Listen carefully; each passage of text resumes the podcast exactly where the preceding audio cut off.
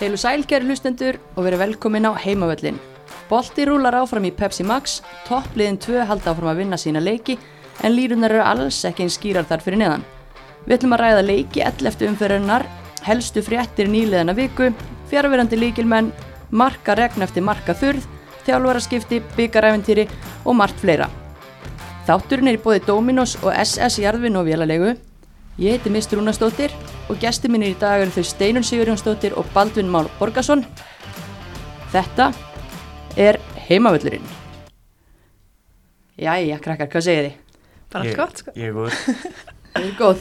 Já, já, topp mjög málum gott Topp málum. Topp málum Þú varst hérna hjá okkur um daginn, Baldvin. Já Hérna fegstu mikið bön á þig eftir Nei, Síðasta þátt. Nei, alls ekki Þú feist náttúrulega bara í tímdalen Já. Ekkert, ekkert, ekkert persónlegt á mig ekki persónlegt til því, það er gott að heyra. Steinun, þú ert að koma í í fyrsta skipti til okkar. Já, Hérna, bara spennandi Já, búin að vera í bandaríkjunum að spila og, og, og þjálfa fótbolta eða ekki? Jú, bara núna er að fara út í fjórða ára mitt Ok, og hvar ertu nákvæmlega? Ég er í Manhattan, Kansas The Little Apple The Little Apple. Já. Ok, og er eitthvað að gera þar? Í bænum, já, þetta er bara litla akkur er þannig, 100 ás manns og allt familji og allt fjólublátt Það er bara mjög gott Ok, ok. En já, hvað, þú ert aðstofa þjálfari hjá skólaliðinu? Já, að ég núna verð svona graduate assistant coach úti Ok, er það ekki mikið æfintýri? Jú, það er svona svolítið öðruvísi þannig að maður mætir allar æfingar og hjálpar til og kemur þeim í form sem að þurfa að eru búin að vera meittar eða er ekki hóp og svo er mikið að leikurinn aðanstæðingin og koma með svona leikskýrslur og kynna fyrir leikmenn fyrir leiki. Nó að gera? Já, Já, og þú ert hérna á Íslandi í sumar, ég sá þig á, símambótinu, þú ert náttúrulega búin að vera að þjálfa yngri flokka breyðabliks í mörg ár, hérna gott að komast aðeins í Kópavóin. það er gott að búa í Kópavogi, gott að vera í Kópavogi og það er bara að dreyma staður. Ok. Besta mál, heyrðu, en ég fekk hérna, einhver hérna, tilminningað á heimavöllin uh, til þess að ræða eins uh, Pepsi Max stilt köfenna. Uh, það er bara vika síðan við tókum upp síðasta þátt, það er alls konar, hérna, hafa alls konar hlutir og, frétti borið síðan þá. Og kannski til að byrja, ég menna að til dæmis verið alls konar hræningar í, í fjálfaramálum og þá reyndar ekki bara í, í hérna, Pepsi Max dildinni heldur líka í neðri dildum. Við, hérna, þetta er svolítið óvanalegt, finnst þú hvað það ekki? Svona Jú. mikið á einni viku. Jú, ég það kom bara upp hérna einhverjar fjóra, fimm, sex uppsagnir og, og hérna og hræringar bara á við veit ekki, fimm, sex dögum sem er alltaf svolítið óvanlegt en ég veit ekki útskýri skilur veist, einhverjir er ósótið með árangur sinnar liða og einhverjir þjálfarar náttúrulega segja bara upp sjálfur vegna óanægju eða einhvers, maður er þetta að segja til hvað það er nákvæmlega en ég hef ekkert engar, engar garanterar heimildir, heimildir. Nei, nei, að verðast verið mitt ólíkar aðstæður í öllum þessum tilfellum. Var eitthvað sem kom ykkur sérstaklega óvart eða eitthvað skrítið? Ég myndi sérstaklega bara segja að þannig að Helena Anita Mía, Já, samt Já, það við- kemur í, í kjölfara á þessu Tóri Ornella Adunleifis bulli. Já, já, þær voru Já. náttúrulega bara ósátta við stjórnina að hafa greinilega ekki fengið þegar gegna að fá fullan stuðning í gegnum það að fá fleiri eða fá nýjan leikmann inn í staðinn en það kom mér samt pínu óvart að Þóraldur hafi verið reygin af því að það er ekki eins og Háka Víkingur sé einhverju skítamálum þær eru náttúrulega bara inn í þessu pakka Mm. þannig að það kom mér pínu óvart uh, meira held ég að sé kannski ekki endilega eitthvað sjokkirandi sko en Nei, maður náttúrulega kannski veit minnst um aðra dildina. Ólafur Hlinur hætti þar með veit Þekki ekki ekkert aðstæður. ég Nei. veit ekkert um það, bara ég að segja eins og er nei, og hérna og Kalli tekur við, uh, Jóhannes Karl hérna Sigsvensson tekur við K.R. Ragnar Lóa var með 100% rekord búin að stýra liðin í tveimur leikjum og vinnaði að báða, átti hún að klára mótið af hverju ekki? Ég bara, ég held að vil- ég held að vilja það ekki það er kannski ekki.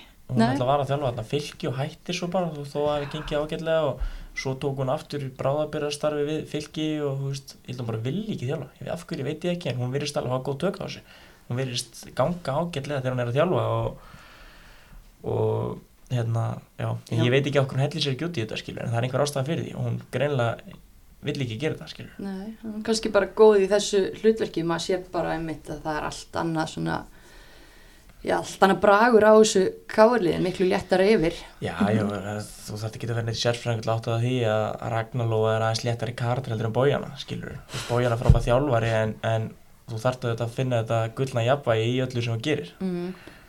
En Jóhannes Karl kemur hérna uh, inn með Rögnulóu, hvernig líst ykkur á þá ráningu? bara ágætlega en svona það sem að var aðeins að skoða og sjá hann alltaf búin að vera með stjórnuna og breyðablik og það er bara hörku klúpar en hann var ekki að ná svaka árangri með þær, alltaf bara svona miðja deild.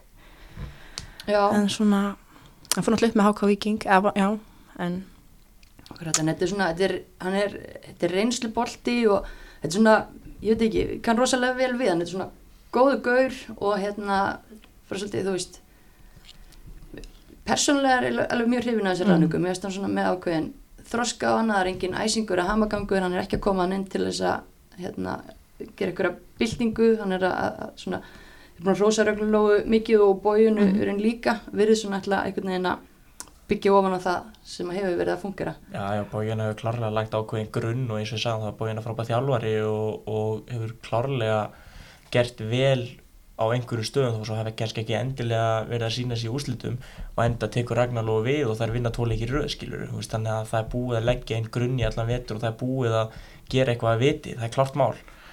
En svo kemur alltaf Jói Kalli inn núna og veist, ég veit ekki, ég veit ekki miklu að skoða nánum, ég veist, veit bara hann var að þjála Háka Víking fyrir upp með þær en hættir með þær út frá því að hann er held ég eignar spann á þeim tíma eða eitthvað svo leiðis og mikið mér að þekki ekki til hans en hann er eflaust eins og ég sagði hann með Rögnulú eflaust líka léttari kardir heldur en bójan þannig að hann kannski nær aðeins að fikra sér gegnum hópin og, og fá meira út úr þeim heldur en bójan að gerði.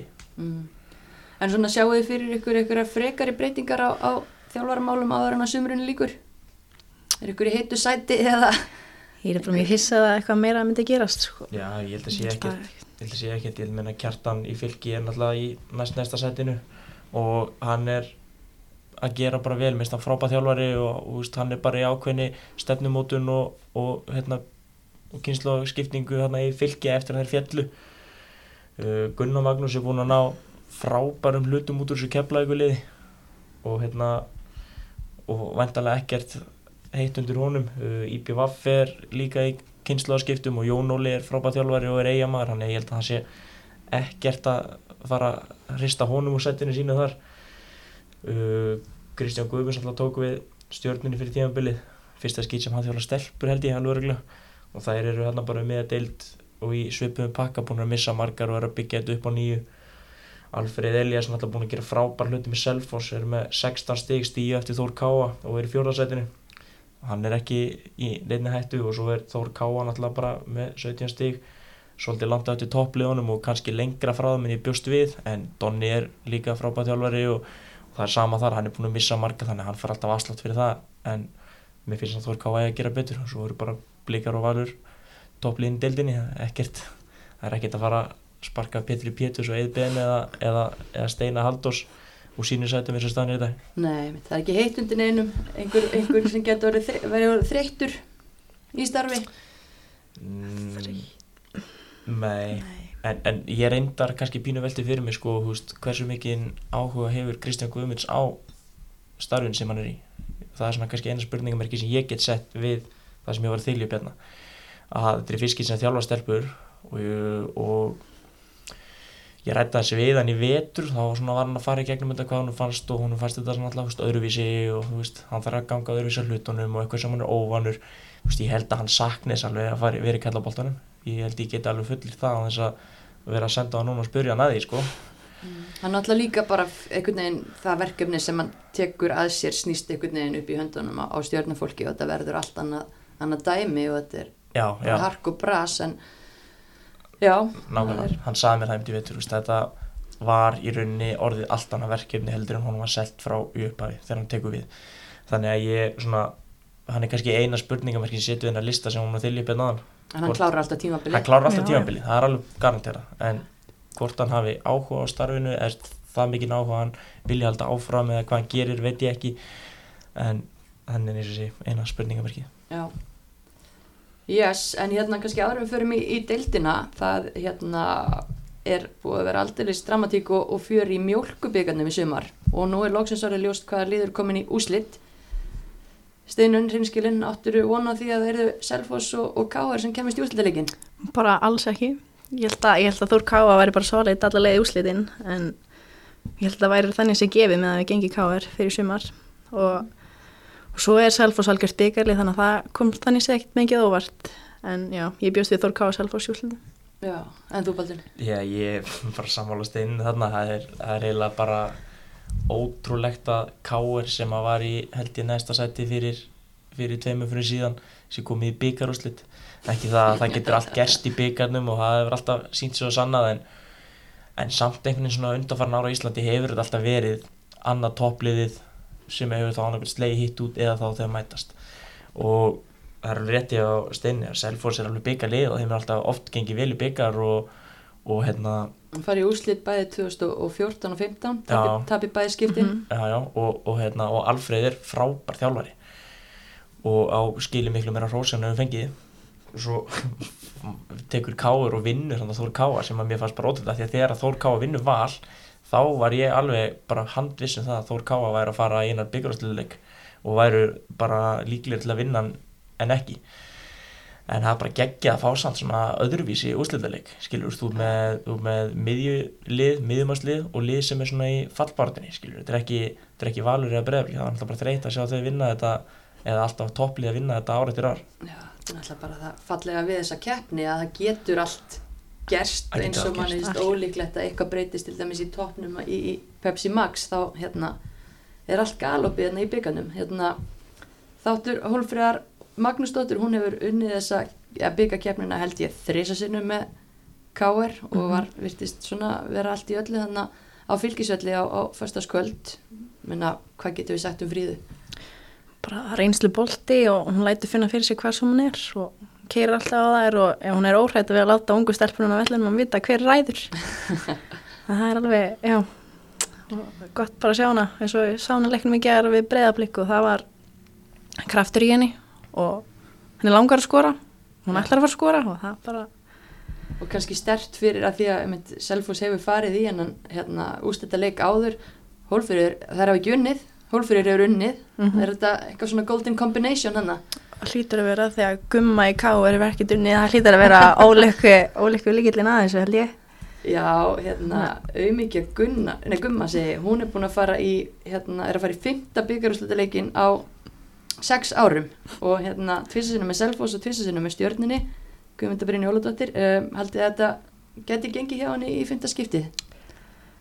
ég giska ekki, ég held að Selfos vinni þetta. Ég- það, er mín, það er mín tilfinning fyrir þessu og eins og, segi, eins og var að tala um Hólfrýr er gert þetta áður, Hólfrýr er bara vinnir.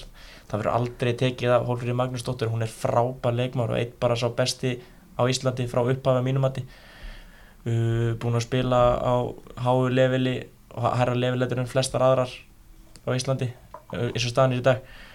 Þannig að, þannig að ég held að hún drægi kannski svolítið vagnin hana og, og þetta er einmitt svolítið svona hugafæri sem þart í svona byggjararslutu leiki á meðan að Gumma náttúrulega er hérna með skottið á milli lappana að mæta uppeldi sérlæginu og, og hefur aldrei unnið þetta. Já, ég veit nú ekki hvort það verið skott á milli lappana en hérna, það eru vinnara líka í kálinu, bæði Lilja og, og Þórun hafa orðið byggamestari, ég held, ég er ekki vissum með Katrínu Ómars en hérna, er það er náttúrulega líka reynsla sem að Kári-liði, hérna, og þær hafa unnið þetta með Káir Já, og já, Lilja var náttúrulega líka nokkur í breyðablík hann um árið. En þú veist, þetta er alveg, og þessara þrjár, bara, þú veist, örgulega yfir hundra ára gamla samtals, með svakar leikjar einsla bakinu og, og þú veist, landsleiki og þú veist, það er, það er bara ekkert slæmt að hafa þar með sér lið. Nei, en Þannig að, þó að þið talið um að eitthvað finnist Selfoss vera líklara, ég meina þetta er samt leikur sem að er up for grabs, eða ekki? þetta er alltaf leikur þetta er ekki, þetta er ekki hérna, valur káir skilur, þetta er Selfoss káir og, og hérna kannski típist bara fyrst ég var að tala Selfoss svona svakalega upp á hann og, og Rósa Alfrið það típist að tapja þessu sko Annað eins hefur nú gerst. annað eins hefur nú gerst en þetta er klárlega hörku leikur og verður bara spennandi leikur gaman að fylgjast með þessu, ég ætla, ég ætla að kíkja hann leik það er alveg bókamál 17. ágúst, ég frá, Já, ég hlustendur. Já. En hérna, Pepsi Max, það er hérna nóg að gera þar líka. Í, við byrjum bara í eigum, uh, IBVF náttúrulega skeit upp á hnakka í hérna, síðustu umferð, uh, bara steinlá fyrir breyðablík, en þær eiga ansi sterkan viðsnúning og, og vinna stertlið Keflavíkur 3-2. Uh, hvernig svona horfið þið á þessi tvö lið,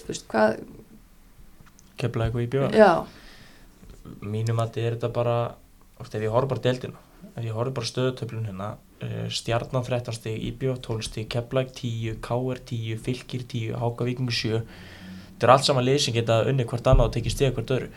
Og það er bara happa glappa hvað gerist, ég minna það var hérna, IBF til dæmis rústaði stjörnunni 5-0 í eigum um daginn og stjarnan er með stíi meira en IBF í sætinu fyrir hann þannig að úst, það getur allt gerst á mínum mati. Og og eins og með Háko Víking líka. Háko Víkingur er búið að groppi stigi af liðan alltaf fyrir ofan sig og er ekkert langt frá pakkanum. Svo er þarna keflaði káru fylgir öll með tíu stig. Þannig að þetta er ekkert Íbjöf er búið að missa svo mikið til liðin og sérstaklega eins og núna þegar þeir eru að missa Chloe þá er þetta bara þetta er bara orðið sko í rauninni tvö langbæstu liðin. Þór Ká var svona aðeins betri heldur en hins og liðin skilur, finnst mér. Já, og Selfoss mögulega. Já, og og þær eru náttúrulega þreim stigum frá stjörnunni og stíi frá Þór Káa þannig að þær eru svona kannski það er kannski sangjarnar að tala um þær með Þór Káa Já. og svo pakka fyrir neðan En, þú veist, mál málana, ég meina, Chloe að fara til Benfica, það voru óvæntar fréttir. Ég bjóst alls ekki við því, sko. Ég held að, ég gerði ráð fyrir að myndi fara eitthvað sterkar leiðina heima þó að IBF myndur ekkert leifina, en portugalska deildin, ég veit ekkert um hana. Nei, og þetta er lið sem að, sko, er að koma upp úr bjettildinni þar. Ég veit sko, það voru stopnaðir loka árs 2017, þannig að það er bara að vinna svo upp, búin að skora 300 mörg frá áramótum, þannig að það eru einhverju, ekki búið að fá eitt á sig held ég já, það er, Er þetta svona dæmi eins og önnur eurostórlið er að gera, setja loksins, hérna, smá, hérna, örlitla prósenda peningunum sínum í að búa til kvennalið og, og stefna því að búa til stórveldi. ég held það, Já, þessi sýnist að það það stefnir í það lítur að vera. En, hérna, en hvað mun brott fyrir Chloe þýða fyrir IBVF? mjög mikið held ég ég, er, ég veist, þú, þú veist, þetta er bara þú ert að taka besta leikmann út úr liðinu og hvaða lið hefur efna því að missa besta leikmann sinn og fá sennilega ekkert í staðin eða, eða mun lagari leikmann Það eru reyndar sko að hérna alltaf áhugavert að, að það var dottið inn félagskipti núna til IBVF. Þær fengu hérna Mackenzie Grossman sem er uh, varnamaður eða spila allan að bakur hérna í blíkaleiknum. Svo Brenna Lovera sem spila fyrsta leikin sinn í gær og virkaði bara Og skoraði líka, hann skoraði ekki fyrsta marki. skoraði fyrsta marki á og ég meina, það er náttúrulega bara stert að koma í íslensku fysikal deildina og, og ná að setja marki í fyrsta leik. Og svo náði sér í markmann líka norður ískan landsliðsmarkmann 97 mótil okay, ég, er alveg, ég er alveg til að gefa það og fyrir þrjá inn fyrir Chloe það var þetta ekki eða þrý fyrir eitt svona. Já. Já, já, já, en þú veist, þú þarf náttúrulega alltaf að gera eitthvað svona til þess að fylla skarið sem Chloe skilur þér. Chloe er bara landslýskalibur. Chloe kemist í íslensk landslýði skilur, hún er ógeðslega góð. Hún er búin að sanna það nokkur orðið röð. Þannig að ef að IBV fyrir að fylla hana, hennar skarið upp með þrejum leikum, þá er það kannski konur annar stað heldur en ég var að tala um áðan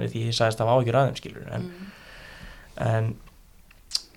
en þær eru þarna í þessum pakka 12 stig, 2 stig niður í fallseti En það er bara með þetta er ótrúlega fyndið að fylgjast með þessari deild. Maður sest niður í hverju viku, maður skoðar hérna planið og, og það er alltaf eitthvað lið sem fer úr 15 niður í 9. eða öfugt og þetta er rosalega dramatíst og svo er alltaf bara eitthvað eitt, stig sem að skilja hérna á milli. Og hérna keflavíkuliðið, því að þær eru búin að vera á fínu róli, e, tapa svo þessum leikjum, en þetta er þrjútvetur hörkuleikur, þetta er úti í eigum. E, þurfa að hafa áhyggjur af keflavík. Ég held ekki, sko, ég held að það sé ekki að fara að falla. Ekki ef hún, hérna, Sveindís heldur áfram því sem hún er búin að vera að gera. Þá, og þetta er bara hörku, já, bara fullt af svona uppeldum stelpum og hana og bara skemmtilegt lið.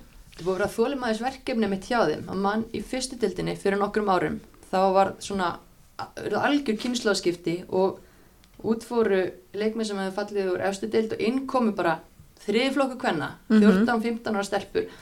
Þessar stelpur hafa haldið hérna trú og þetta eru stelpurnar sem er að spila núna í Pepsi Max með stuðningi náttúrulega hörku sterkara erlenda Mhm. leikmanna. Ég meina þetta er þólimaði má taka þetta til fyrirmyndar? Klárlega, algjörlega. klárlega. Er bara flest lið ættu að mínum að þetta bara byggja þetta upp svona Minna til hvers að vera alltaf að halda út í liði með allt og mörgum útlendingum og, og húst, setja þannig kannski peningin á rángan stað í staði fyrir að setja það í úlingastarfið eða heimastelpunnar eða hvernig sem þú vilt útfæra það og reyna að byggja þetta upp á þínu. Af því að þú veist, með heima konum eða kvöllum samkvæmt að kallaði kvennabólta að þú veist, með heimafólki þá myndar stemming og með stemmingu þá farir fólk á völlin og, og þetta helst allt í hendur þegar að upp í staði þannig að, þannig ég er bara mjög ánæður fyrir hönd keflingin hvað þetta skulle ganga svona vel. Og þeim hefur líka tekist að halda í sína bytta, ég menna það er engin að segja mér það að það hef ekki verið brjála að gera símanum hjá Svendis í síðustu 3-4 ár. Já, af hverju, af hverju heldur hún tryggð við klúbin sinn?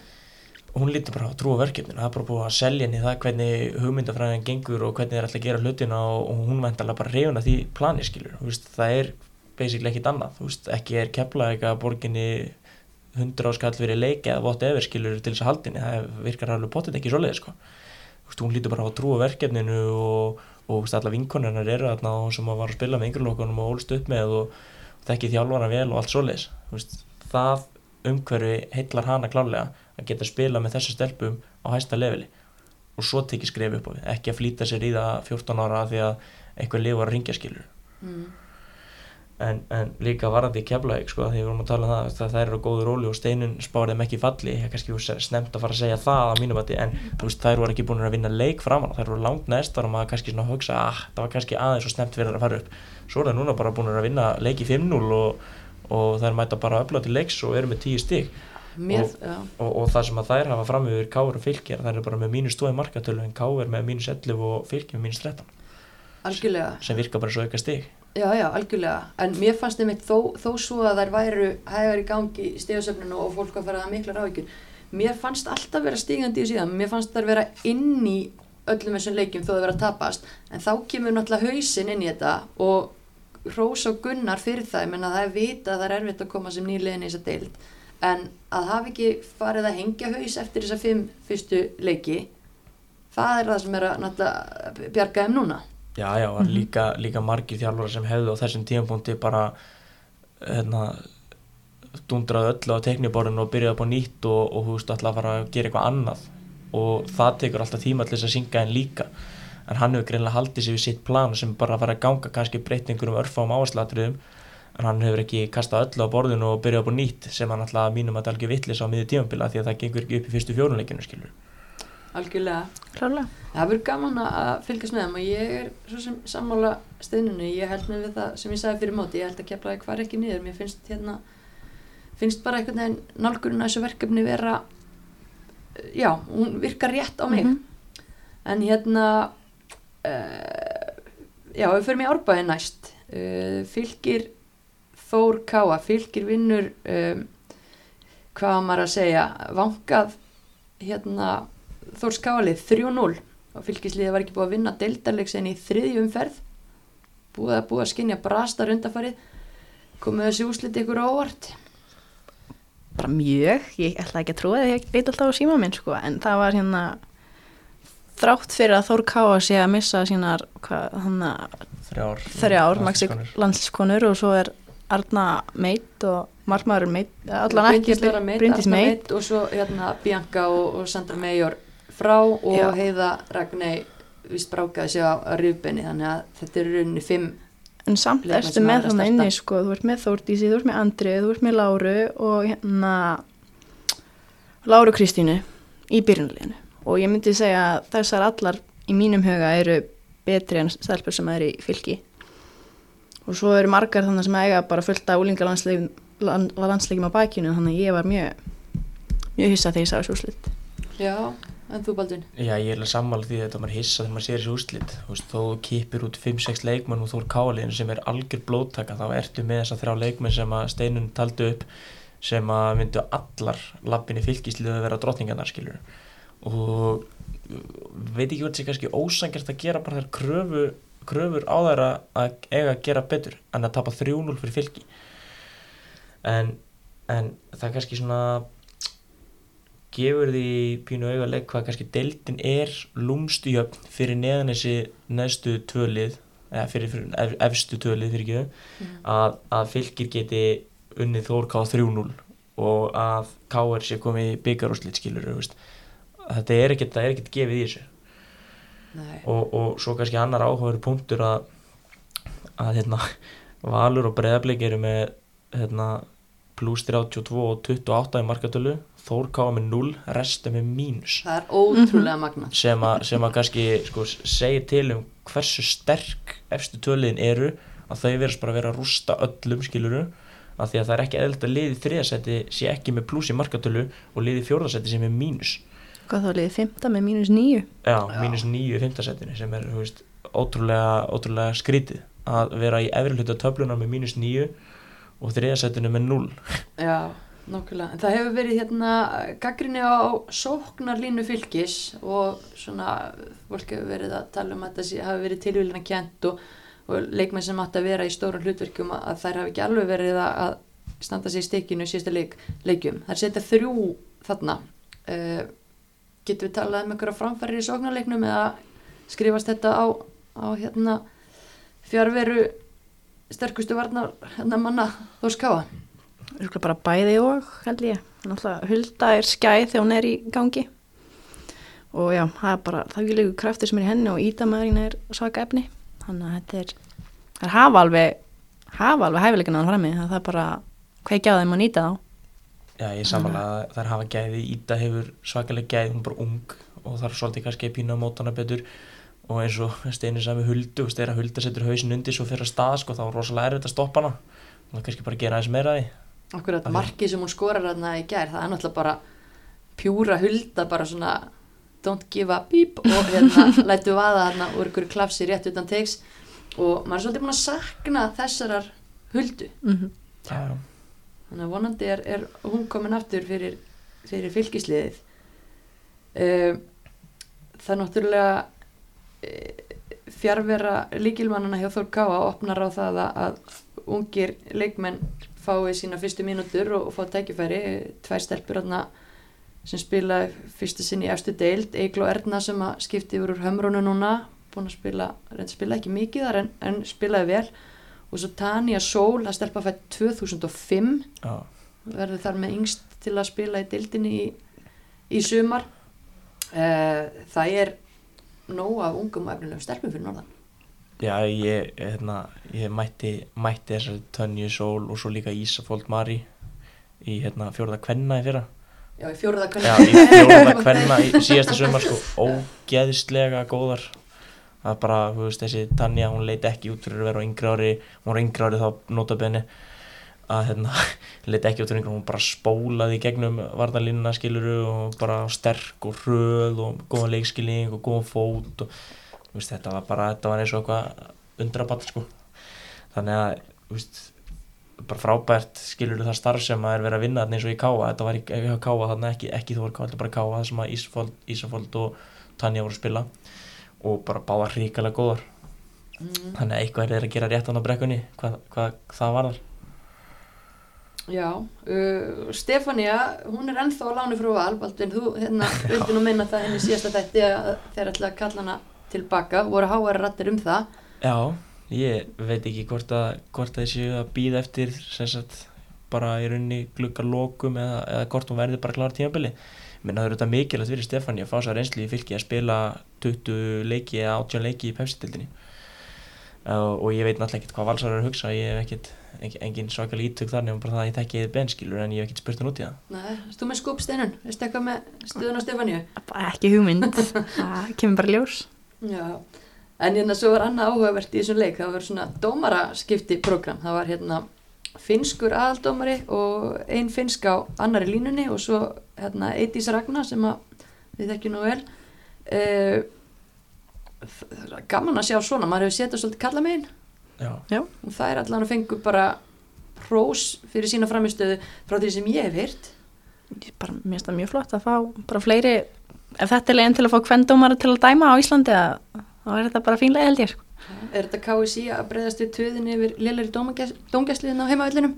Við erum alltaf að töða. Æ, ég er meira til það eftir en það er alltaf læg Nei, ég að veist, þetta er, er ekki bara hluta þessi samstagsverkin sem verður alltaf verið það, veist, það verður alltaf verið undanfærin ár einhverjir nokkri er erlendi dómar og komið og dæmt aðalega kalla með þá samt ég veit ekki bara hluta því og er að nefnda að reyna kannski að efla tengslinn og stækka netið og, og fá það til þess að dæma hvernig með líka. Já, það er að... Það er mjög flott verkefni, já. Mér finnst það mjög sniðut og bara skemmtilegt skilur, þú veist, gaman fyrir einhver aðra dómar að fá að koma hingað og dæma leik hérna í æstu deild. Bara Engin heimadöngisla. Nei, Nei.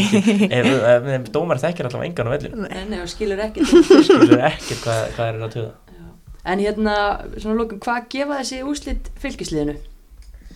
klárlega mikið sjálfströst kemur pottit með svolítið peppin í hópin og, og það er fá kannski meiri trú þannig ég held að þetta sé mikilvægt fyrir fylgisliðu og það er náttúrulega eru inn í pakkanum eða það hefur tapað þessi leik þá væri þær að háka vikingum með sjö stíg og þrejum stígum frá restinni þannig ég held að þetta gefi fylgisliðinu mikið En Þór Káa? Ha, Þór Káða bara þarf að rífa sig í gang og líta í eigin barm held ég og það finna aftur, aftur júna fyrir sig held ég. Þetta er óvanalegt að sjá það svona. Alveg sammála því en það er eitthvað tvo leiki eftir án landslýstefnuna Já, já, mexikosku leikmannana. Uh, mér allavega líst ekkit á blikuna með Bryndisi, menn hún var í, í einhverju, búin að dreifast í bakinu allt sumar, er í sprautu og er eitthvað verið hann tjastlinni saman. Ég meina, fyrir utan það bara, er það skinsamlegt? Á maður að forna skroknum á sér fyrir eitt tímabili fókbólta? það er frábær spurning Ég hef alveg gert svo leiðis og þetta er bara skemmtilegt sem maður gerir. Ég Það, það er margt í þessu en maður þarf enda að hugsa lengra sko. En já, ég veit ekki. ég svona sprautur gera kraftaverk. Og frá sprauta. Það er, já, Amerikan sendir mann í sprautu og það voru bara daglegi verki bara hverfu sko. Þannig að þetta var, bara hissi að hafa ekki lungu búin að gera þetta. Já, ég, ég, ég held að það var nú kannski svolítið líka eftir alvarleika meðslunum, maður veit ekkert hvað þetta er en, Nei, það er en svo að sá að ég, líka. já, svo sá ég, ég fór, fór og skellti mér á KAI-a fyrir norðan og sundan, þar sá ég Örnisif og hún var bara höllt fast mér, sko.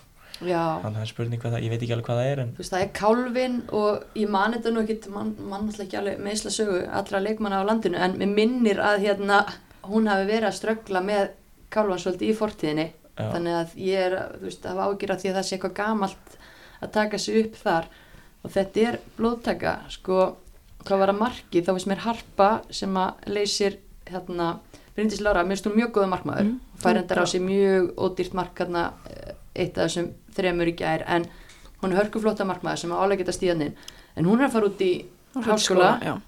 og Helena Jónsdóttir sem að var einmitt búin að vera í, í gráinum, hún var að bekknum hjá þeim í gær, hún er líka að fara út heyrði ég skúpað í, í síðasta þætti. Já, já, þannig að, að þetta, þetta gæti orðið bras ef, að, ef þeim tekst ekki að tjastla En það er eiga, náttúrulega Jóhannu Henriksen í höfnunum sem er náttúrulega markmannstjálfari eitthvað að hluta til en minni, veist, hún spilaði tímabila það getur hún ekki bara staðið í markinu í setjuleitan það er vesen.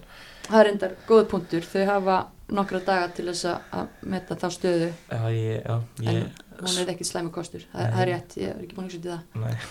En það verða fyrir hamrana samt eða er alltaf sér að gera einhver allu en kannski pínuð langsótt kannski svolítið farið þar Já, en það er samt alveg fullt af flottum bara varamarkmunum sko í dildinni Já, ég sem að geta alveg já, geti, geti Harp ekki bara spila með höfrunum og Jóhanna færið og spila með Þorkáfa harpa eru að fara út bara eftir viku sko. Já, ekki? alveg. Náttúrulega.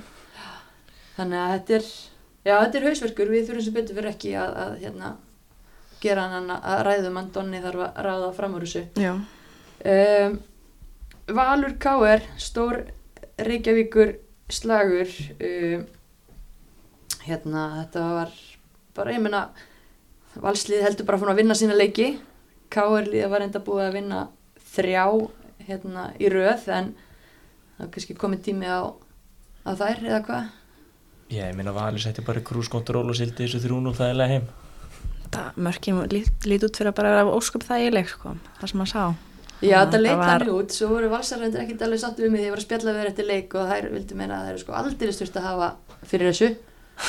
Já, já, þú þarft auðvitað að hafa fyrir hlutunum og þú þarft að leggja það fram og þarft að spila leikina því er ekki að mæta bara með hangandi haus og halda að það gerist það sjálfur sér. En, en mér finnst einhvern veginn tilfinningin mín gagvart bæði breyðablík og val er bara þannig að þau geta skora tíu mörg eða nennaði á öllið og bara eins og breyðablík gerði við íbjörg skoruðu nýju mörg, skilur, þá var bara hausinn góður og þær eru bara klári verkefn, þær er bara keiri yfir þær. Og, veist, og þetta er sama tilfinning fjá mér gagvart val, veist, ef það er nenn að setja 180% í leikin og setja hausin undir svo keira sér út og ekki spara sér neitt þá geta það skora 10-15 mörg á öll lið held ég. Það er bara það góði leikmenn. Algjörlega og hérna já og þú veist eins og ég segi, þú veist, mér finnst það bara það er svona ákveðin þroski í báðum sem liðum þó að það sé mismikið reynsla þá er ég Mhm. að tala um, val og, en þær gera það sem þær þurfa. Valsliði hjælt boltanum hrikalega vel, þeim lá ekkit á. Þú veist, það er ekkit á óða gott sem að sástundum hjá þeim í fyrra og hitt í fyrra.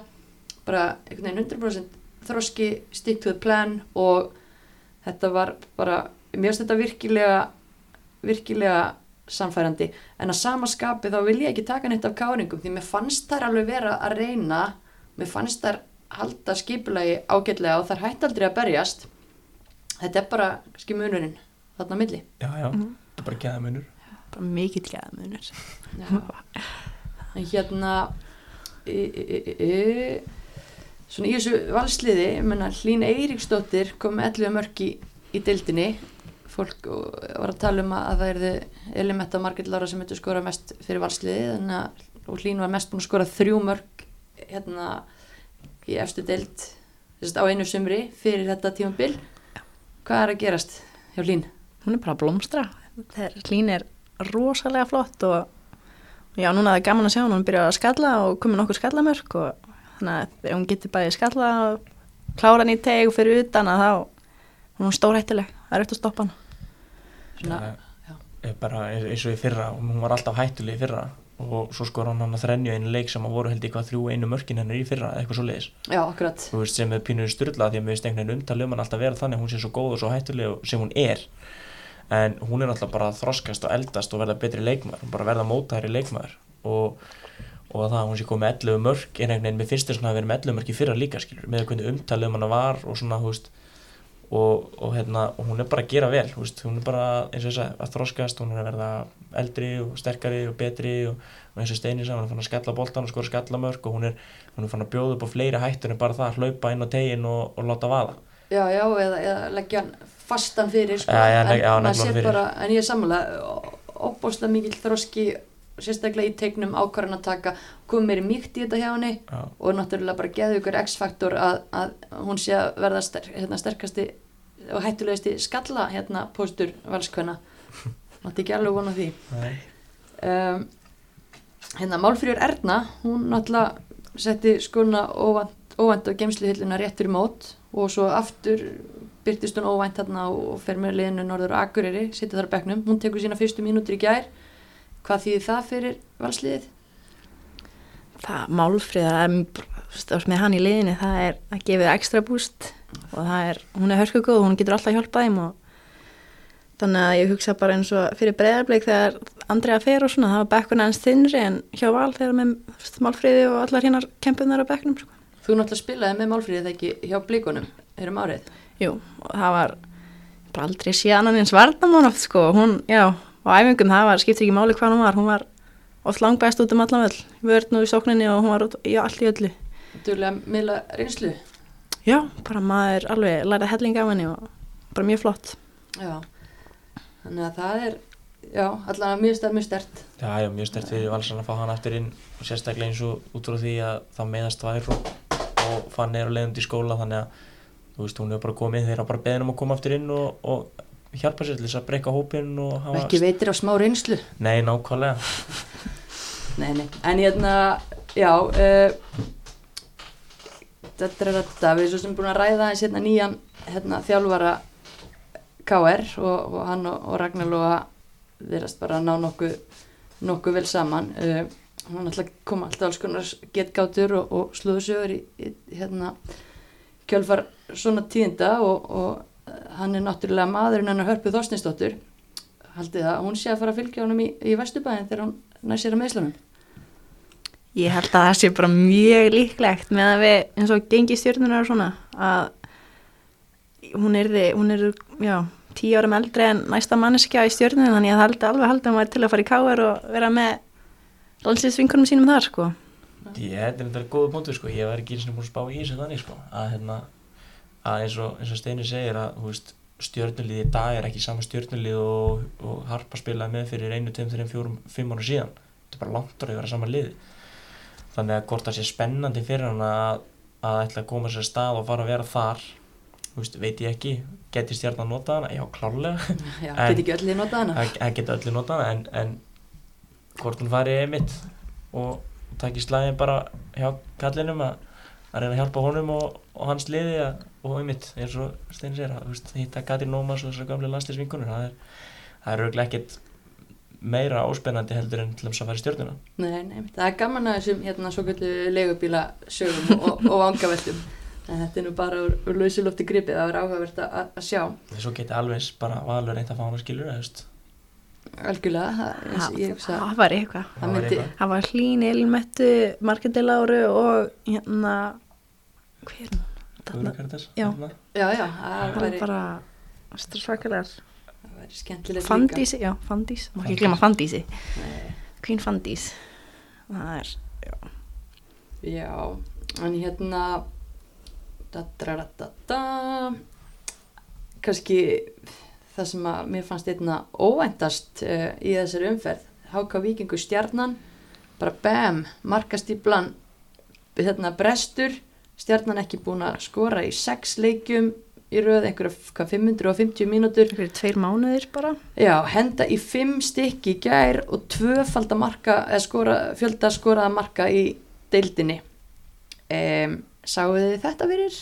Nei og ég sá heldur ekki þess að hildugunni bara, bara bjargvætt hana og komið þrjú. Þrenna fiska viti stelpa fætt 2003. Já, það er ekki slæmt. Þetta er alveg yngum, hún búin að spila örfáða leik í deildinni, held að mestu leiti út á kanti, hendi upp á topp, þakkar tröstið. Já. Og því líka yfirvegun í öllum færum sem hún fekk að það var bara ekki máli. Lagði hann bara í hótni og lagði hann í hótni og lagði hann í hótni. Þetta var bara svo æfingu. Það var, Það er bara gæ, gæði í þessum leikmanni ég er ekki búin að sjá þetta en það sem ég hef heyrt af þessu er náttúrulega bara það að hún hefði hafi bara þú veist, komið hann inn og spila eins og drottning bara svo búin að spila hundra leiki Mm klára færi sín, þú veist, sæki viti skora þrjú bara frábær leikur hjá ungri stelpu Og bara geggjaði mitt að fá svona kannski óvendan björgvætt og ég meina það sest á sálinna að þú skorar ekki í sex leikjum í röð eh, svo svarar þessu með fimm mörgum þetta hlýtur að, að hérna kveikja aldilis í stjörnukonum að Já, fatta að það geta ekki- skora mörg trú ekki öðru. Þannig að það er bara næsta leiki að hljóta þeirra bara, já, hendin miklu fleiri heldur en nú þegar og laga markatölunum sína. Ja, en, en ég veist að því við erum að tala um það að stjarnan var ekki búið að skora og ekki búið að skora sex leikir og bara búið að skora fimm mörg í dildinni eða það er alltaf einhvern tíman að fara að raðir mörgum þá held ég að það veri akkurat þessum leik. Mótið Háka Víking neðsta liðinu með langslegustu markatöluna uh, nýbúnar í þjálfara skiptum þannig að ég er svona veist, ég ætla ekki að segja að mér hafi fundist þetta eitthvað rosalega óvænt af því að stjarnan er betra lið en Háka Víkingur á mínu mati og þær eru með frábæra leikmenn innanbors bæði þessar ungu öfnilu stelpur sem eru margar hverjar að spila eins og til þeim Hildigunur og svo náttúrulega Jasmín Erla er að spila þarna Anna Maria er að spila þarna þær eru með nokkra reynslubolta og svona góða leikmenn inn á milli sem að gefa af sér og hjálpa þessum ungu stelpum Já, en þú veist, þetta er nýjant. Hérna, Rakel Lóðdóttir sem uh, stýrir HK Viking núna ef- eftir hérna, að Þórallir, var sagt upp. Hún segir viðtölu eftir leik að, að hérna, þó að sé þetta sárt að tapa, þá sé dildin og einfallega þannig að það sé ekki endilega áhugjefn að vera í næsta sæti því það sé svo stutt í næstu lið. Það er bara eitt sigur í næsta lið. Eru þið sammála því eða er þetta hættuleg hugsun? Bæði og, en segjum að leikun hefði farið hins einn í ger og háka vikingur unni, það hefði fimm lifir með tíu steg á botninum. Já, vá. Það er, Já, að, já, þannig að þetta getur alltaf dotti eftir megin en það er komin tími á háka vikinga að fara að sækja sigur, það Og þeir eru búin að fá þessi flest mörkin í dildin held ég örgulega 28 Já. stykki. já Varnarleikurinn var skelvelur hann í gær. Það- þetta þetta er enda mjög fyndi- fyndið punktur í stein ef að ef að hérna ef við snúið leiknum við og Háka Víkingur er unni 5-2 þá væri Háka Víkingur með mínus 15 í markatölu í næsta seti og stjarnan í tíunda seti með mínus mínus 12 og fylgir með mínus 13 það er bara sett stöðun einmitt bara í sko því líka fallbartu skilur bara Þetta er ótrúlega deilt. Þetta er nefnilega, þetta er nefnilega magna maður pælir það, það, það er bara með 60 og milli þeirra þau hefur verið jöfna stöðum að þau snúið úrslutunum við og, og markatalan verið mun jafnari heldur og nertlunum núna því að núna lítur þetta ekkert allt og vel út fyrir ákveð viking þær þurfa að vinna næsta leik 6-0 eða með 6 mörgum eða alltaf hoppi fyrir fylki og, og fara í bara, bara 11. seti skilur, nei 9. seti fylki það er bara 10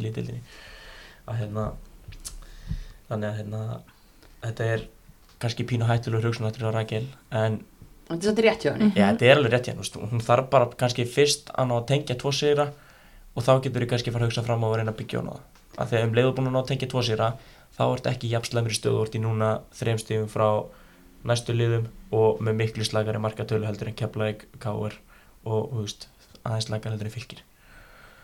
Já, en hvað, já, veist, en sjáu þið fyrir ykkur að háka vikingur geti snúið þessu sér í hag, þú veist, auðvitað eru hlutinir opbáslega fljótir að breytast, en mér eru fundist bara að vera svo þungt yfir þessu svo lengi. Já, ég persónulega hef ekki trú að þær sé að fara að bjarga sér í sumar. En þær fenguð hann að Solveig fór á breyðablík og ég var reyndar, veit ekki af hvernig hún var tekin út af í hálfleik í gær en hún er, ef hún á að geta gerð, þú veist, hún er töframæður oft með boltan. Hún er einmitt X-faktor leikmaður sem getur Já. komið einstaklingsframtak sem að kannski vantar oft í þessi liði neðri hlutanum. Þannig að ég mynd var reynda mjög hissa að Steini leiðan að fara að því að breyðablík er með frekar þunnan bekk og í staðin tók hann stelpur sem er búin að vera á bekknum hjá Þórkáa til að fylla upp í skarðið og mér fannst, nei Þórkáa, Hákávíking, afsaki og já, ég er ekki að sé þú veist, Sólveig, fyrir mér er miklu betri leikmaður og já, allan ef einhver er að fara að skoða fyrir Hákávíking þá er það mögulega Sólveig Ég, ég mér er að, fyrst að nefna þetta, þetta mjög skrítið múf að lána Solveigu sem er búin að vera að taka mínútur hér og þar og stundum að starta og búin að standa sig vel og er svona x-faktor leikmaður Mm. og er að taka svo leikmaður Háka Víking sem er ekki einu svona byrnulismæður eða alltaf byrnulismæður þar. Nei, Mér finnst, já, og þú veist, er þetta eitthvað svona ég, er, þetta- er þetta eitthvað, eitthvað málamilin hann í kópáðinu, ég veit, ekki hvað akkur það er þetta eitthvað skrítið og mér finnst líka samaskapi skrítið bara ef að Háka Víkingur er að sækjast eftir að fá veist, var ekki option þá að halda Ísabellu líka því að mér finnst skrítið hvað Ísabella hefur spilað lítið fyrir af því að hún er til dæmis með frábæran fót og hérna góð, getur nýst en vel í föstum leikatriðum og öðru uh, var ekki einhvern veginn einhver smuga geta bara haft þær báðar því að eins og segi, Ísabella er ekki fara að spila stórt hlutverk hjá, hjá blíkunum en hún gæti mögulega hjá nýjum þjálfara að fengi stærra hlutverk hjá Háka Já. Viking ef maður að sé það þannig fyrir sér Já, þetta lítur að vera bara þannig að Steini hefur kannski hugsað þetta þannig að hann hefur verið til að hjálpa Háka Víking og að reyna að halda þeim í dildinni eða whatever sem ég veit ekki svona af hverju ætti að vera en hann hefur náttúrulega þurft leikmann í staðin af því að hann er ekki með breiðan hóp og þá er kannski að verið svona smá lausn að senda leikmann yfir í staðin sem að stekka æfingahópin Já, sem, sem, það vita allir að Isabella er alveg fín í fótbolta en, en hún, veist, hún var samt kannski ekki beint inn í plönunum með Háka Víking og ekki að spila nógu mikið þar þannig að hann hefur fengið einhvern veginn í staðin sem að kemur ekki inn á æfingar og eðlugur æfingar þar af því að hún er alveg fín í fótbolta og getur alveg klárlega eftir með breðablík og fengið einhverja mínútu kannski vonandi, ég vonaði hennar vegna. En, en hérna að þess að lána Solveig yfir samt finnst mér bara pínu skrítið frá upphafi. Já, en það er líka náttúrulega því að hann er með augnabliksliðið, þú veist hvort hefði veist. að taka úr, úr því. Já, nei, það er allan augnablik stelpuna Og það, þær eru á æfingu þannig að þær eru ekki bara einhverjar 12 stelpur á æfingu á hvenna, það er, það er alveg vel mannað á æfingum sko. það er aðalega bara að ná að manna bekkin í leikjum. Já, Og- en svo náttúrulega Ester að koma tilbaka og Það er líka já, Solveig fer en það koma tvær í staðin fyrir Solveig Akkur hérna festir Ester sig í sessi hjá Háka Víkingum? Ester Rás ég bara veit ekki, ég ekki, er ekki búin að ná að sjá hana spila í sumar en eins og hún allavega var oft svipaður leikmaður eins og hún Solveig og gæt þótt, þótt upp kantinn og svona. Núna er hún orðið meiri bara sendir, getur tekið boltan snúið leikmenn á og klára. Ég veit ekki hvort þau voru ekki ná að mata hana á boltum eða Þetta er svona áhugavert og kannski, þú veist, ég veit ekki, mér er stila Já, þú veist, það er spurning hvort að Háka Víkingar hafi þurft að gefa þessum leikmönnum lengri tíma og eins og segir Solveig tekin út í hálfleik uh, ég held að Rækila í vitali að að það hafi ekki verið að að kanturinn hefði ekki verið að fungera en ég, hérna bara, ég veit það samt ekki, þetta er bara getgáttur sko, að hérna spurning hvort að Háka Víkingur hefði þurft að að spila þessu leikmönnum meira og spila þeim í stuð. Mm Já, ég meina Solveig á mínum að þetta vera besti leikmann hjá okkur Viking eða veist, hún og svo náttúrulega Fatma Kara sem er útlendingur hann á frábær. Uh, veist, en þarf ekki líka svolítið kannski að setja leikinu upp þannig að veist, að e- varum við nokkuð leikminni kringu sér til þess að geta þú veist, það, það líka horfið það að þú þarft að hafa leikminni kringum leikmanniðinn þannig að hann ná að spila vel það er ekki alltaf nóg bara ætla að treysta á eina manneski til þess að gera allt eða, eða sóla upp alltaf af kantinn og aldrei að fá overlappið eða aldrei að fá kofur undir miðuna eða þess að geta fengið hann aftur eða whatever skilur, þú veist, þú getur ekki bara sett inn leikmann og treysta að hann geri hlutina sjálfur. Það eru 11 leikmenn inn á vellinum sem þurfa að vinna saman. Þannig ég held að kannski, þú veist, hugsanlega var eitthvað svoleiðis að klikka, ég veit það bara ekki, ég sá ekki leikinn. En, en að ætla að fara svo að taka Solvi út af hálfleik og segja að hann ekki verið að ganga upp hjá henni og kannski horfa ekki lengri það fyrst með kannski pínu ósakjart eftir hvað fyrst er hann að leik Þessi, já, fyrsti mögulega. Já, Já, annar. Er það annar? annar, annar Já, hugsanlega, já, með á móti KR og var held ég varamaður í, í fyrsta leik en, hérna, en svo er reyndar annað áhugavert svo við tölum um áhyggjur hérna Háka Víkings að eh, Þóraldur fráfarandi þjálfari hann átti náttúrulega tvær dætur í, í liðinu Ísafald og, og Þóraldi hvoru þeirra er á skýslu í gær vitið eitthvað um það mál? Ekki hugmynd. Ekki En það, en það er náttúrulega, það er áhugavert og eitthvað sem þarf klálega að skoða. Hvort að það séu í einhverju fílu eða ætla að fara eða vilja gera eitthvað annað því að pappi er ekki lengur að stjórna og var rekin, skilur, það er ekki, ekki óreglegt. Mm -hmm. Auðvitað, auðvitað geta svona hlutir sært fleiri en eina mannsku að vera rekin og það vill held engin vera rekin. Þannig að þetta er eitthvað sem að held ég þurfa bara að skoða, sko.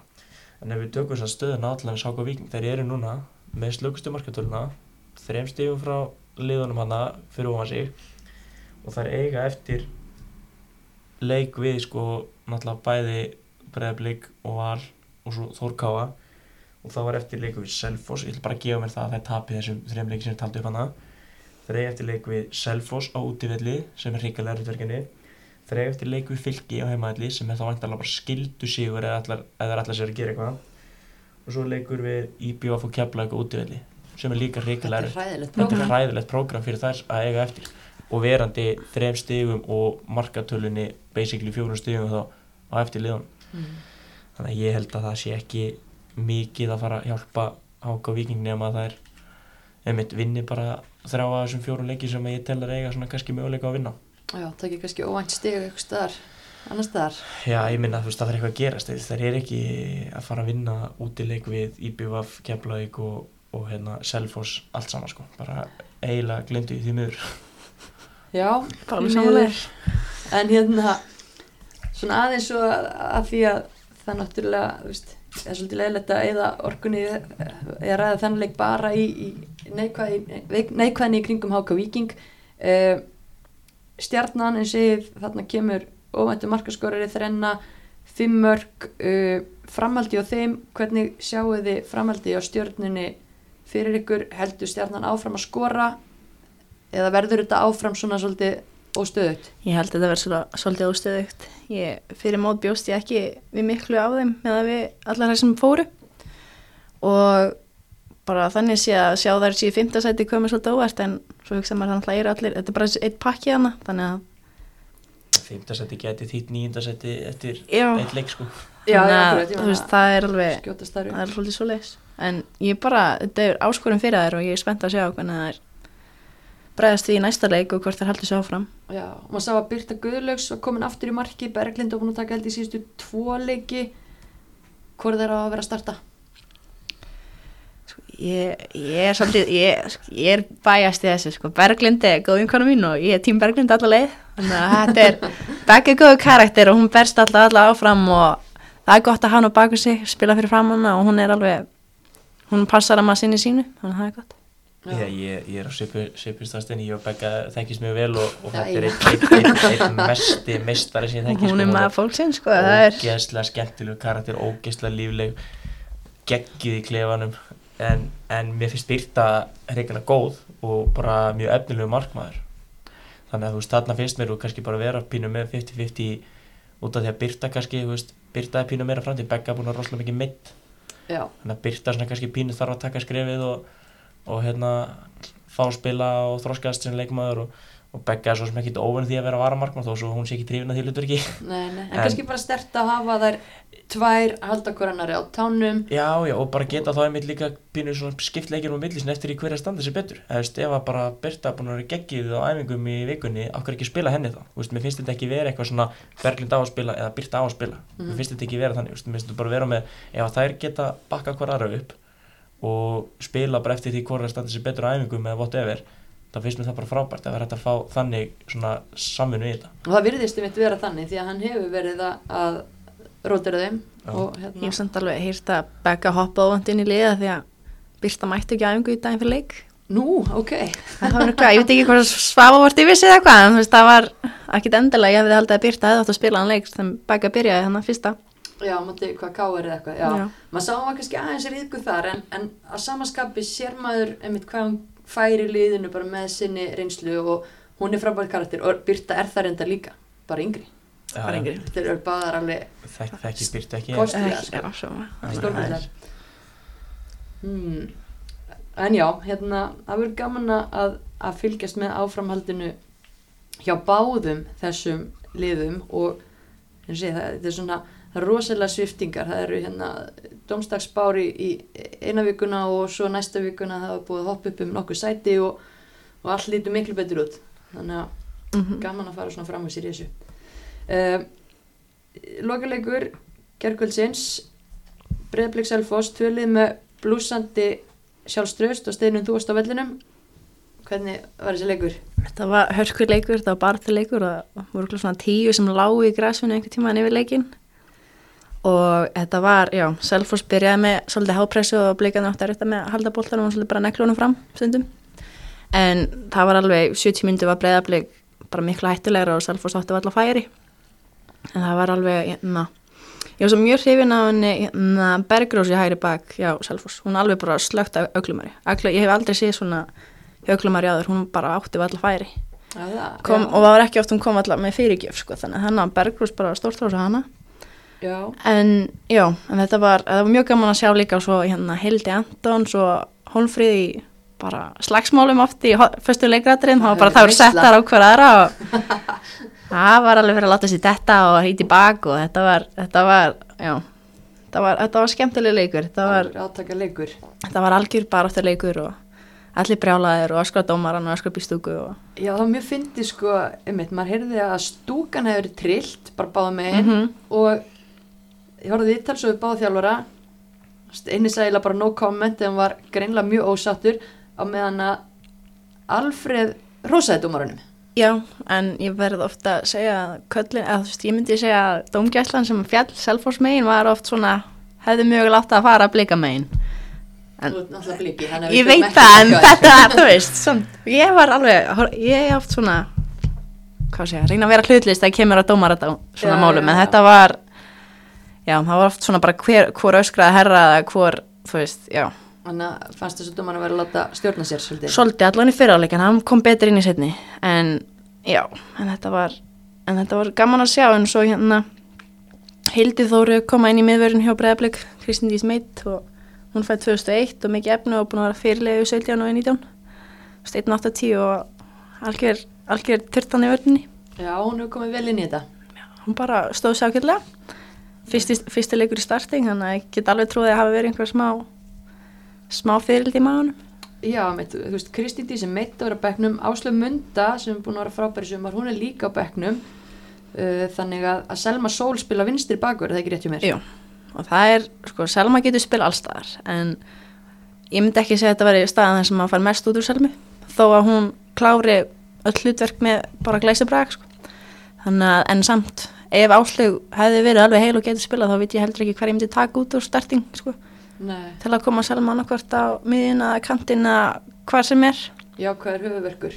Já, alveg. En hvað er, hvað er málið með Áslöf Mundu? Hún er búin að vera svolítið inn og út úr liðinu og, og er greinilega ekki alveg heil búin að vera eitthvað tæp sko, hún vil meina að hún sé að vera góð en það hlýtur bara að koma hún var öll teipuð eitthvað í gær og, en svo kemur inn á og það er allavega sést ekki dáin að sé eitthvað að Nei, að og, og, og, fjolla líka, hvað, veistu eitthvað fyrst að þú veit- með blika í settinu? Til inside info. ég veit ekki alveg hvernig að fjóla verið reddi og hún er veist, hún er ekki í hóp eða ekki Hún var Hún bekknum var- daginn. Já, veist, hún, hún, er, að í, já, hún er ekki þú veist, hún er ekki í takaskóm sko. Hún er ekki dagskóm, ok.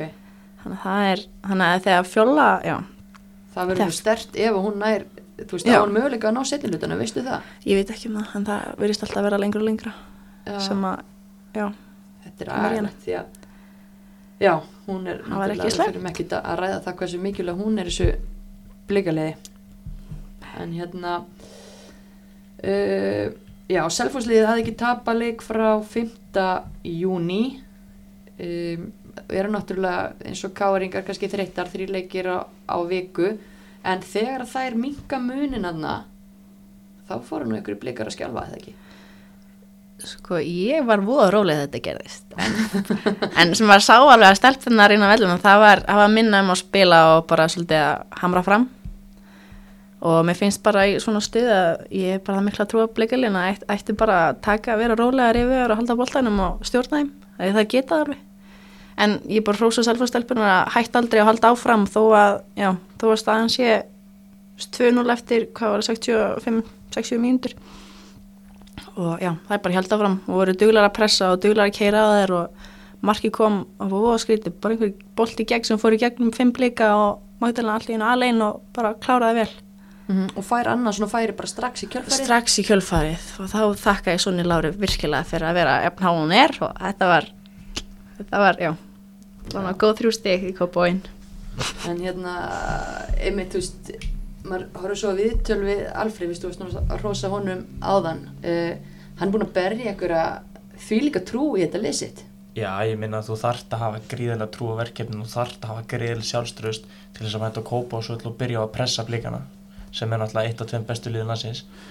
Þannig að Alfred er að gera eitthvað rétt og, og það sést náttúrulega bara á töflunni, það hann bara með Þóri Káa í pakka og þú eru búin að eins og sagður hann ekki búin að tapa sem 5. júni og eru konur í byggjarslítið þokkabót þannig að, þannig að það er gríðarlega góð vegferð á þessu selfósliði sem að sem að er alltaf að taka skref upp á við frá því að Gunni Borgþórs hættir og það er falla þá hafa alltaf tekið skrefi lengra og lengra og lengra og Alfreð er bara að byggja þetta upp frá grunni og er að gera þetta mínum að þetta vil hann er með bara margar heimastelpur, hann er með unga stelpur. Svo er hann alltaf með þeirra útlendinga sem að við rætti hérna í síðasta þetta heimallur um að, að útlendingar gefa náttúrulega leikmunum í kringu sér svo rosalega mikið og gefa sjálfströst og, og, og hérna og góður leikmaður, góður útlendingur gerir leikmunni í kringu sér betri, eða bara góður leikmaður hvað sem hans íslendingur útlendingur. Þannig að, þannig að það er eitthvað, eitthvað rétt í gangi þar og gengur vel þannig að Alfred eins og ég sagði frábæð þjálfari og, og, hérna, og ég er bara mjög hrifin á hann Já. og hann á miklu miklu meira hró skil heldur en hefur verið að fá eins og ég sagði á hann líka. Við völdum hann nú hérna þjálfara, fremsta þjálfara fyrirlutans það var líka bara erfitt að gera upp á milli Pétus og, og Steina en, en Alfred klárlega að gera virkilega góð luti, gaman að fylgjast með honum og selfhóðsliðinu en hérna þessi deild, ég minna eins og hefur margóft komið fram og, og tablan lífur ekki, valur og blikar með yfirburða lið er einhver sjens að þessi lið sé að fara að misti á sig gegn öðrum en hverju öðru? Í, sko, Þór Káan alltaf búið að vinna vali byggjarna og unnur ekki blikana líka? Nei, fylgir Fylgir tók blikana, já. Uh, veist, Þannig að ok, þar er þetta komið með liði fallsæti sem er búið að slá blikandu byggjarnum þar sem að reynda að bregða blika á hvaða reyna skor ekki, skilst mér en, Það var ekki fallegt. Já, já, þetta, það er að því Cecilia Rán vist stórleik í markinu og það er bara gátu ekki skorað.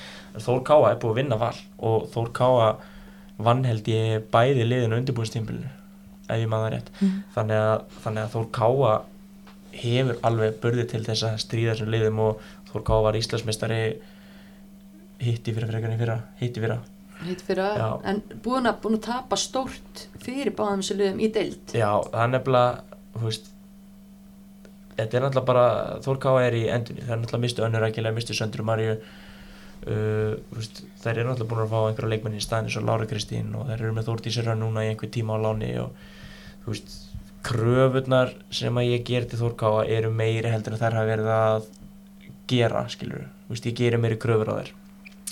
Og það geta strít val og bregðarblík þar hafa alveg sínt á þér og, og með þess að geða leikmenn eins og Sandra Meijor er til dæmi sem er sennilega besti leikmann í deildinni mm. og síndi það alveg þegar það eru íslasmestarar að þá geta þær strítið en veist, ég sé einhvern veginn ekki önnileg gera, hugsanlega selfo skiluru sem að náttúrulega tapaði 2-1 fyrir bregðarblik byrjaði að pressa þær og gerða þær skelkaðar og minguði munin og, og blikarnir hafði ekki sjálfsagt því það fara að halda boltanum og láta leikin fjár og tanni að reyna að skora annað. Heldur fóru í panik og reyna að negla fram og örðu hrettar við selfos sem er ákveði styrkleikamerki fyrir selfos en kannski liði fyrir neða það ætla ég bara eiginlega að afskrifa í því að ætla að fara að taka stig af val og bregðarblik þannig ég held að þetta verði úslita leikur hérna í hvað næst síðustu umferð.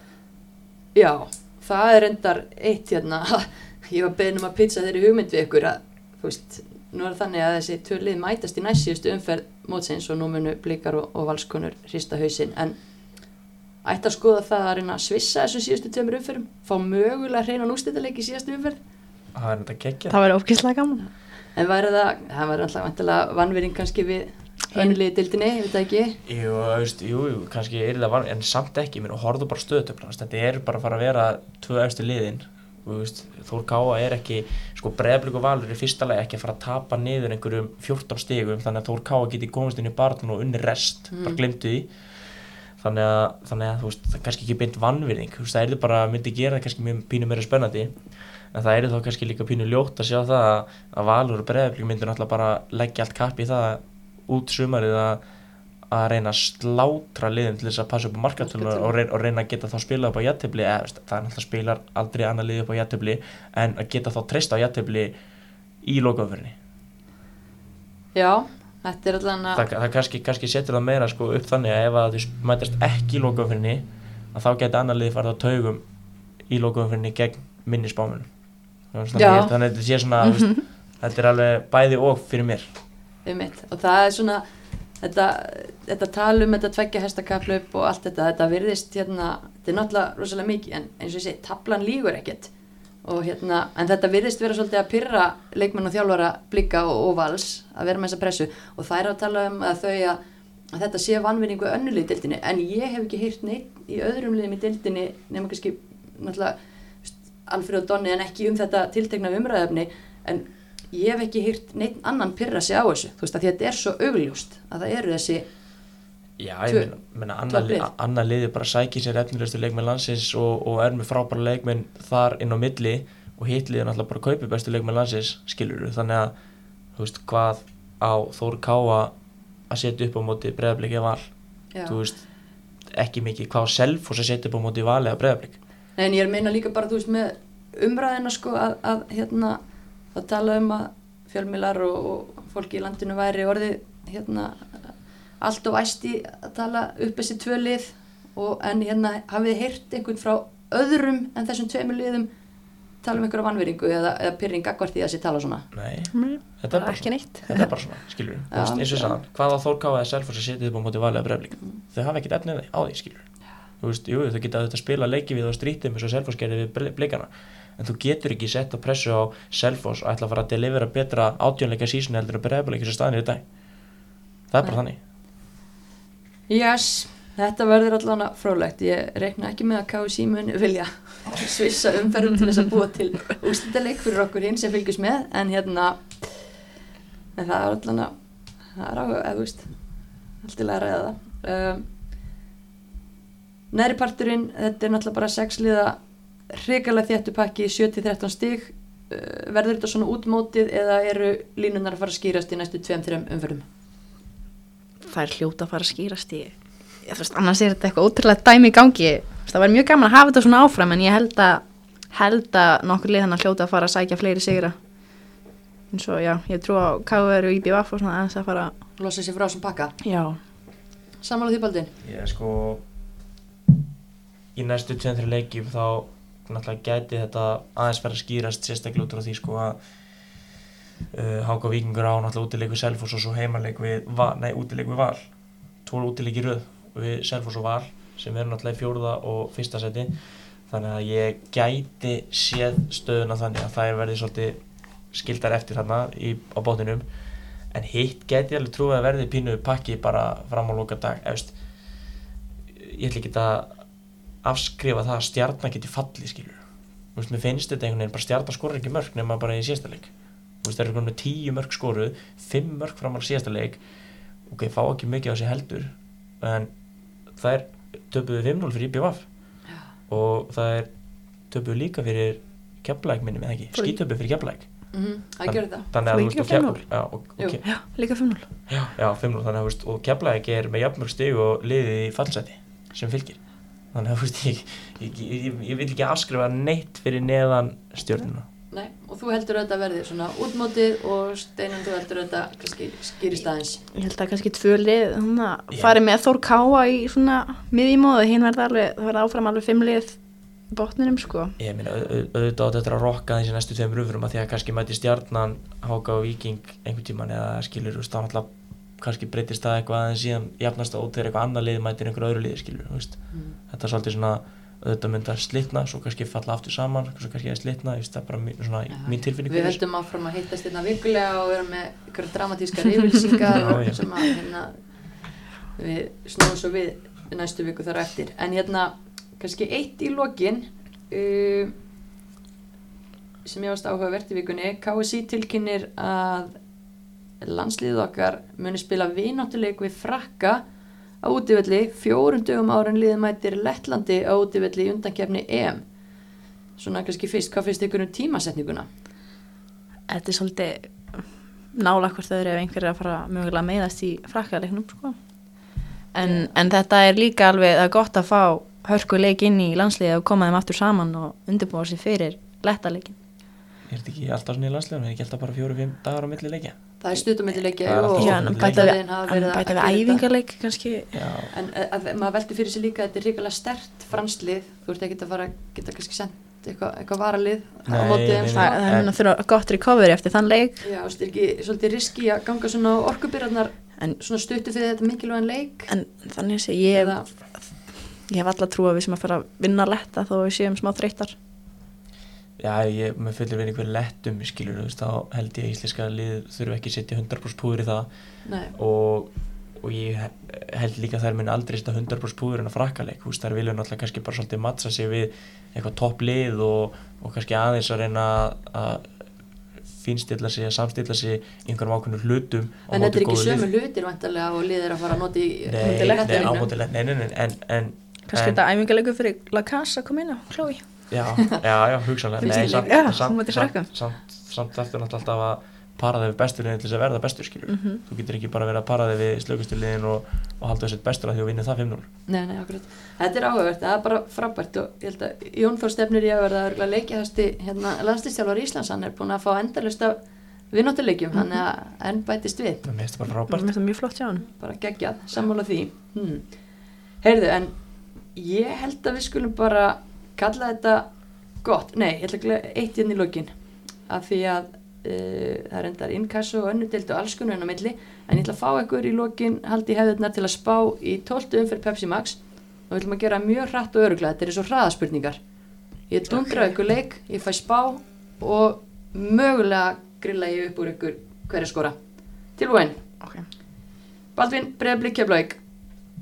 4-0, ó, hverja skora Agla Maria 2 Hildur Antons 1 og Andri Harán 1 ok, þetta er satt umferðin hefst með þessum leik á lögadaginn uh, Steinun, þú fær Þór Káa IBVF, hann er líka á lögadaginn Ég ætla að segja 2-1 fyrir Þór K. Alright, hver verður á papirnu þar? Ég ætla að Þórdís fara að setja eitt og einhver ung kannar líka.